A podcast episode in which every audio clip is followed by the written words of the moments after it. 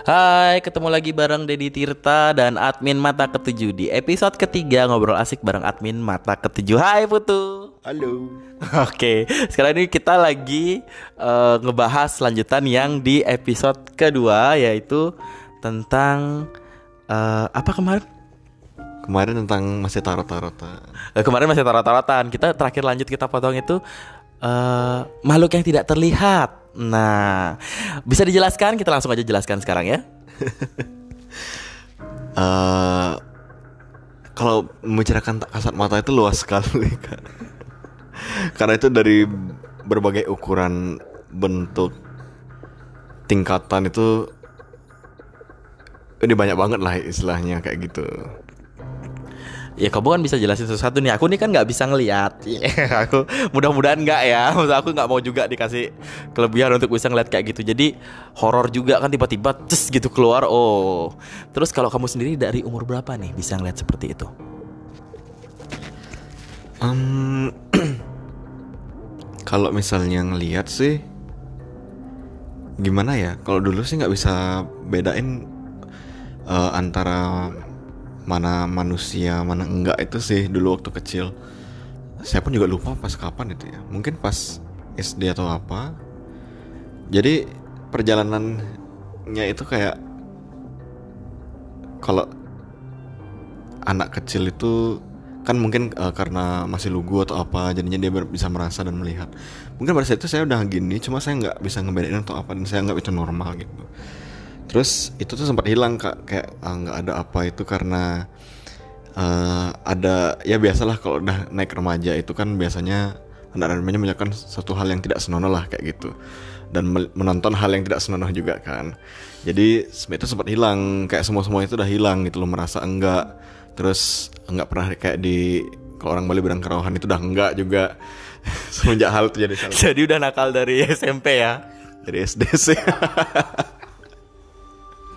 SD kelas 4 kalau nggak salah itu. Oke. Okay. Jadi aku alumni SD Santo Yosep dulu kan tahu anak Sanjas itu gimana dulu kan. oh, jadi menonton hal yang tidak senonoh itu maksudnya apa nih? ya adalah masa pura-pura nggak tahu. Oke nggak apa-apa kita lanjut lanjut lanjut lanjut. Nah jadi dari itu udah that's it gitu loh. Entarnya mulai lagi tuh mungkin pada saat SMA ya. Jadi nah uh, saya nggak tahu apa yang dirasain anak yang sama seperti saya itu seperti apa. Cuma yang saya rasain dulu tuh saya tuh nggak ingin sekolah. Mention nggak nama sekolah alumni saya? Nggak usah lah ya. Jadi saya nggak mau uh, nggak mau sekolah waktu itu sempat bolos. Dan saya tuh kayak nggak ada rasa takutnya gitu loh bahkan sama guru atau apa. Anak-anak itu sekolah jam 7 saya datangnya jam 10 dan saya masuk kelas dengan gininya dengan apa namanya dengan tebal muka atau gimana saya juga nggak ngerti gitu loh. Karena saya tuh merasa kayak kayak nggak ada rasa takutnya gitu loh kayak gitu. Kayak ngerasa sekolah nggak penting gitu gak sih? Iya. Hampir nggak ninain kelas juga pernah gitu. Karena saya kayak jadi saya tuh uh, waktu bolos-bolos dan gitu tuh tapi jangan ditiru ya. Jadi itu tuh merasa kayak setiap saya ketemu banyak orang itu ada banyak hal dan banyak energi yang saya dapat. Jadi saya lebih milih, lebih baik menyendiri di rumah gitu loh.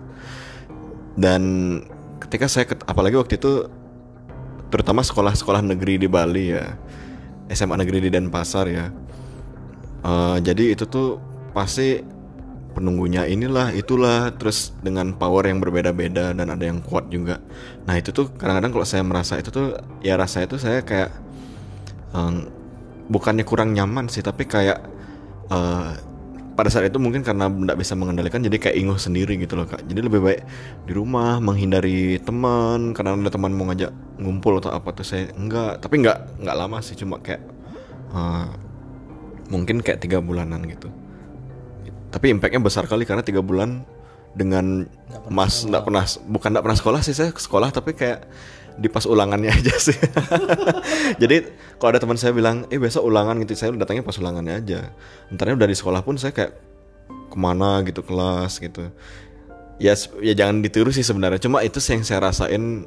Jadi saya tuh sempat uh, agak depres juga sih maksudnya kayak kok rasanya uh, ada kelebihan itu kok rasanya sulit dan impactnya itu jelek gitu loh. Nah pada saat itu sih nggak berani cerita ke keluarga karena pasti dimarahin kan, aku nggak mau gini-gini. Tapi nggak maksudnya kayak nggak mau sekolah atau apa gitu. Eh, dan saya pun juga bolos itu nggak cerita-cerita sama orang tua. Karena waktu itu orang tua kan sibuk nggak ada di rumah. Jadi pas mereka datang itu ya udah sore. Jadi mereka asumsi ya saya udah pulang sekolah kayak gitu sih intinya. Nah setelah itu eh, barulah mulai eh, bisa cerita ke orang tua sama bapak saya barulah bisa diarahkan. Jadi sebenarnya sih kalau untuk melihat itu dan merasakan itu sih sebenarnya kalau terus-terusan melihat dan merasakan itu sih nggak bagus ya karena pasti terganggu. Kalau misalnya mau pipis ke kamar mandi melihat mau tidur juga ada yang melihat atau apa. Jadi lebih milih sih eh, lihatkan apa yang perlu dilihat aja. Kalau misalnya nggak perlu dilihat ya udah jangan dilihatkan. Kayak gitu sih saya minta sama yang di atas. Ya, berarti eh, pernah dikagetin gitu gak sih? Maksudnya yang ha yang ngagetin yang kayak ciluk bah gitu.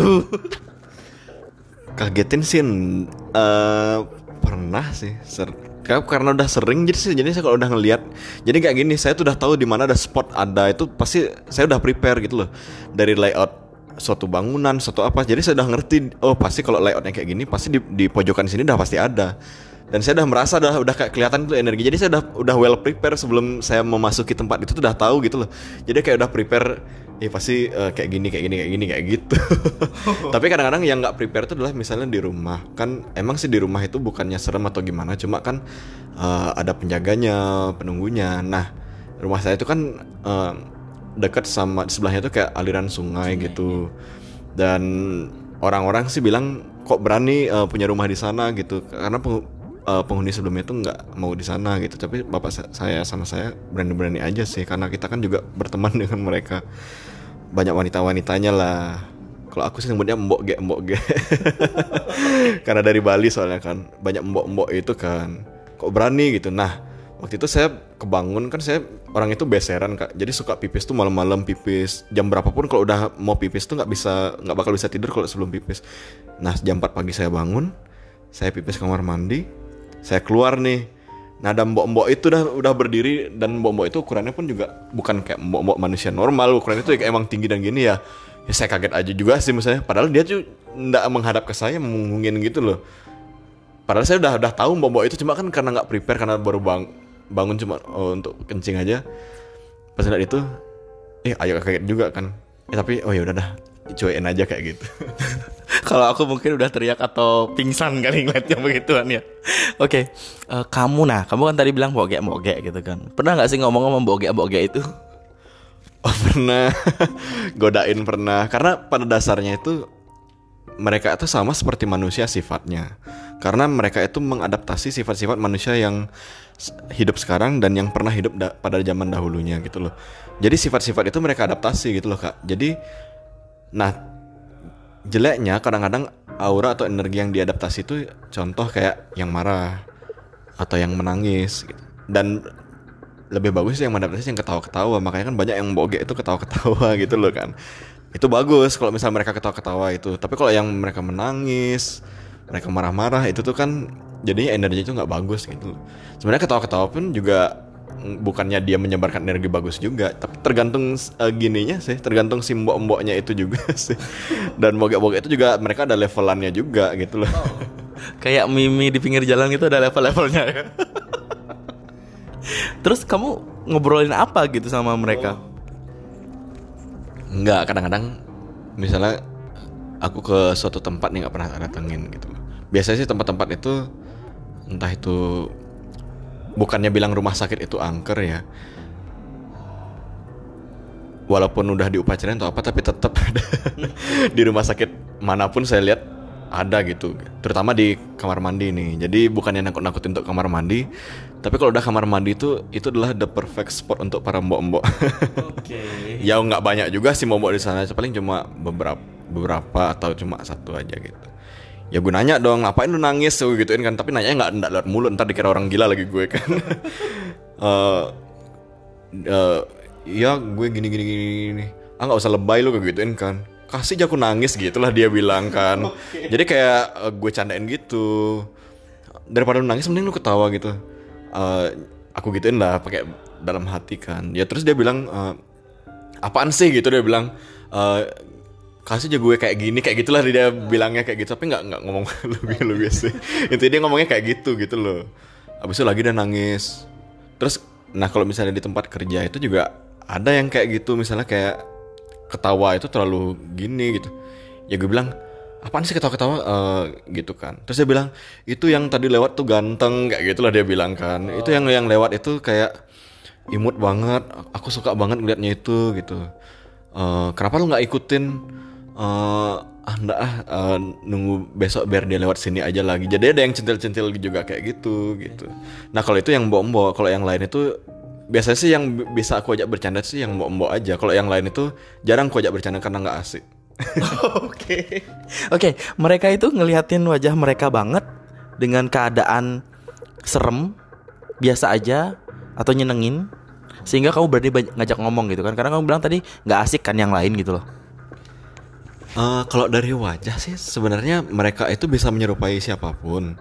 Cuma biasanya yang mereka tunjukkan itu ya eh, wajah aslinya gitu loh. Tapi kalau misalnya mereka itu jadi gini, menurutku itu kalau di Bali ya, kalau misalnya di luar Bali itu eh, biasanya sih karena aku pernah kayak ke Jawa atau ke gini tuh rata-rata sih jarang ada yang kayak eh, rapi gitu loh. Kebanyakan acak-acak. Di Bali sih sebenarnya dibilang rapi nggak rapi-rapi banget.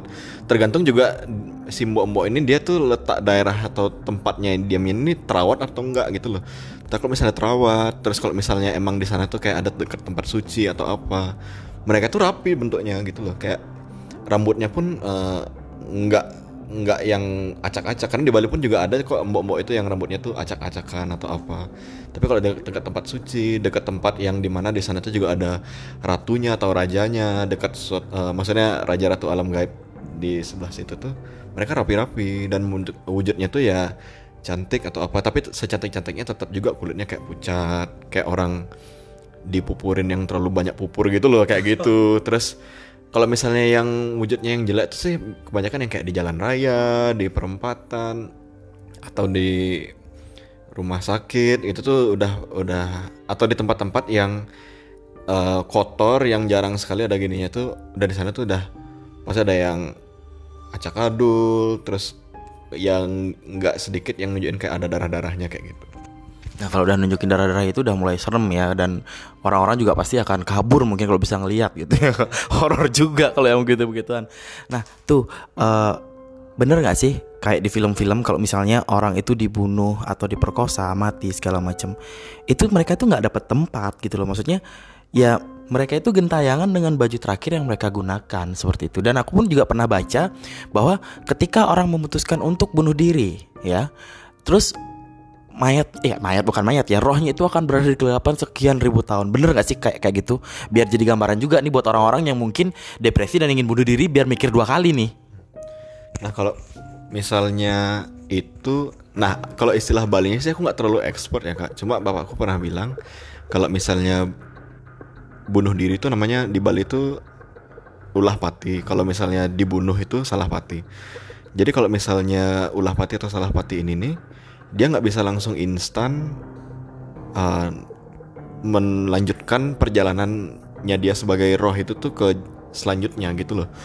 Karena belum waktunya mereka itu nggak ada gitu. Kecuali misalnya sakit atau emang gimana itu yang alami itu dia bisa melanjutkan gitu. Tapi kalau misalnya salah pati salah pati itu yang dibunuh itu dia sih biasanya eh, tergantung karmanya dia juga sih. Dan tergantung juga anggota keluarga yang masih hidup yang dia punya itu apakah mendoakan atau melakukan suatu upacara atau gimana. Ya dia bisa melanjutkan jenjang selanjutnya. Cuma mereka itu sudah dikasih tahu kak eh, kalian itu bakal diam di sini eh, dalam kurun berapa lama gitu loh. Dan waktu kita dengan waktu negeri sebelah pun juga beda-beda gitu loh kak. Maksudnya mungkin semenit di alam nyata mungkin di sana sejam kayak gitu Nah itu pun juga mungkin karmanya dan gimana jadinya mere- mereka harus juga bukan menderita sih di sebelah tapi emang begitu jalannya. Tapi kalau misalnya yang ulah pati itu yang paling bahaya sih yang bunuh diri itu. Bukan bahaya sih maksudnya kayak itu tuh menderita gitu loh karena dia itu pasti menyesal gitu loh pernah gitu. Dan kalau ulah pati itu adalah dosa karena dosanya itu nggak bukan karena dia menyia-nyiakan tubuhnya dia untuk biar mati tapi juga dia itu menyakiti perasaan orang lain yang ditinggalkan gitu loh kak Contoh kayak misalnya kan punya keluarga atau apa, terus kita bunuh diri kan kita udah berdosa dengan mereka karena mereka udah pasti sedih, kehilangan atau apa gitu. Nah di situ pun juga um, mereka juga bakal kasih tahu dan dihukum juga. Makanya neraka itu kalau dibilang ada neraka itu juga alam sebelah yang di dunia ini pun juga neraka karena ketika orang ulah pati itu nggak bisa naik, mereka bisa melihat keluarganya tapi tidak bisa bersentuhan dan tidak bisa nengek juga dan berada di tempat yang suatu jelek itu udah neraka gitu loh. Jadi ya di sini pun nerakanya mereka karena mereka harus uh, menderita dulu di sini gitu. Cuma uh, tergantung lagi dengan karma gitu. Karena kan ada juga yang bunuh diri itu tanpa disengaja atau gimana. Uh, balik lagi sih ke situ gitu loh. Oke, berarti berpikir dua kali nih buat orang-orang yang tadinya punya rencana buat bunuh diri, biar mikir berkali-kali ya. Jadi hidup itu udah berharga banget, tapi buat apa sih disia-siain? Kan seperti itu ya tuh ya. Jadi ada quote tersembunyi sih dari kata-kata kamu tadi. Jadi buat orang-orang biar tidak membunuh dirinya. ya, karena di sini uh, pesan saya kan jadi roh-roh yang gentayangan itu, itu uh, ada sih roh-roh yang gentayangan yang bunuh diri itu beberapa belas atau beberapa tahun dari sekarang tapi juga ada yang udah 100 tahun yang lalu beberapa ratus tahun yang lalu bahkan ada yang ribuan tahun yang lalu tuh masih juga gentayangan di sini. Mungkin juga tergantung karmanya dia yang pada saat itu ya. Dan mereka pun setiap saya pernah ketemu dengan ada yang kayak gitu uh, di suatu daerah lah pasti. Uh, ya saya tanya gitu kenapa kok uh, nggak balik-balik atau apa pasti dia bilang ya saya dikasih tahu gini cerita gini gini gini karena saya bunuh diri waktu itu atau apa. Ada yang bunuh dirinya itu mungkin dia bawa anak janin sendiri itu udah dosanya udah oh. besar banget. Itulah cikal bakal uh, mbok-mbok punggung bolong. Itu yang bunuh diri barengan sama janinnya. Nah di situ tuh mereka tuh selalu bilang aku nyesel banget bunuh diri. Kalau bisa aku mau balik lagi jadi manusia kayak gitu. Jadi dan banyak pun juga yang itu tuh yang mereka tuh ingin balik lagi jadi manusia. Sedangkan uh, di zaman sekarang kan ada juga yang manusia yang masih ingin mengakhiri hidupnya. Sedangkan makhluk sebelah pun juga yang menyesal besar itu ingin balik jadi manusia. Jadi uh, hargailah uh, hidup gitu. Wah, pesannya dalam banget ya. Jadi buat orang-orang yang ingin mengakhiri hidupnya. Jadi tetap bersyukur dengan apa yang udah kita punya. Oke, kita akan rehat. kita akan stop sampai di sini untuk episode kali ini. Kita akan lanjut lagi di episode keempat. Jadi jangan ke mana-mana dan pasti tentunya bakal seru banget. Oke, sampai jumpa minggu depan. Bye. Bye.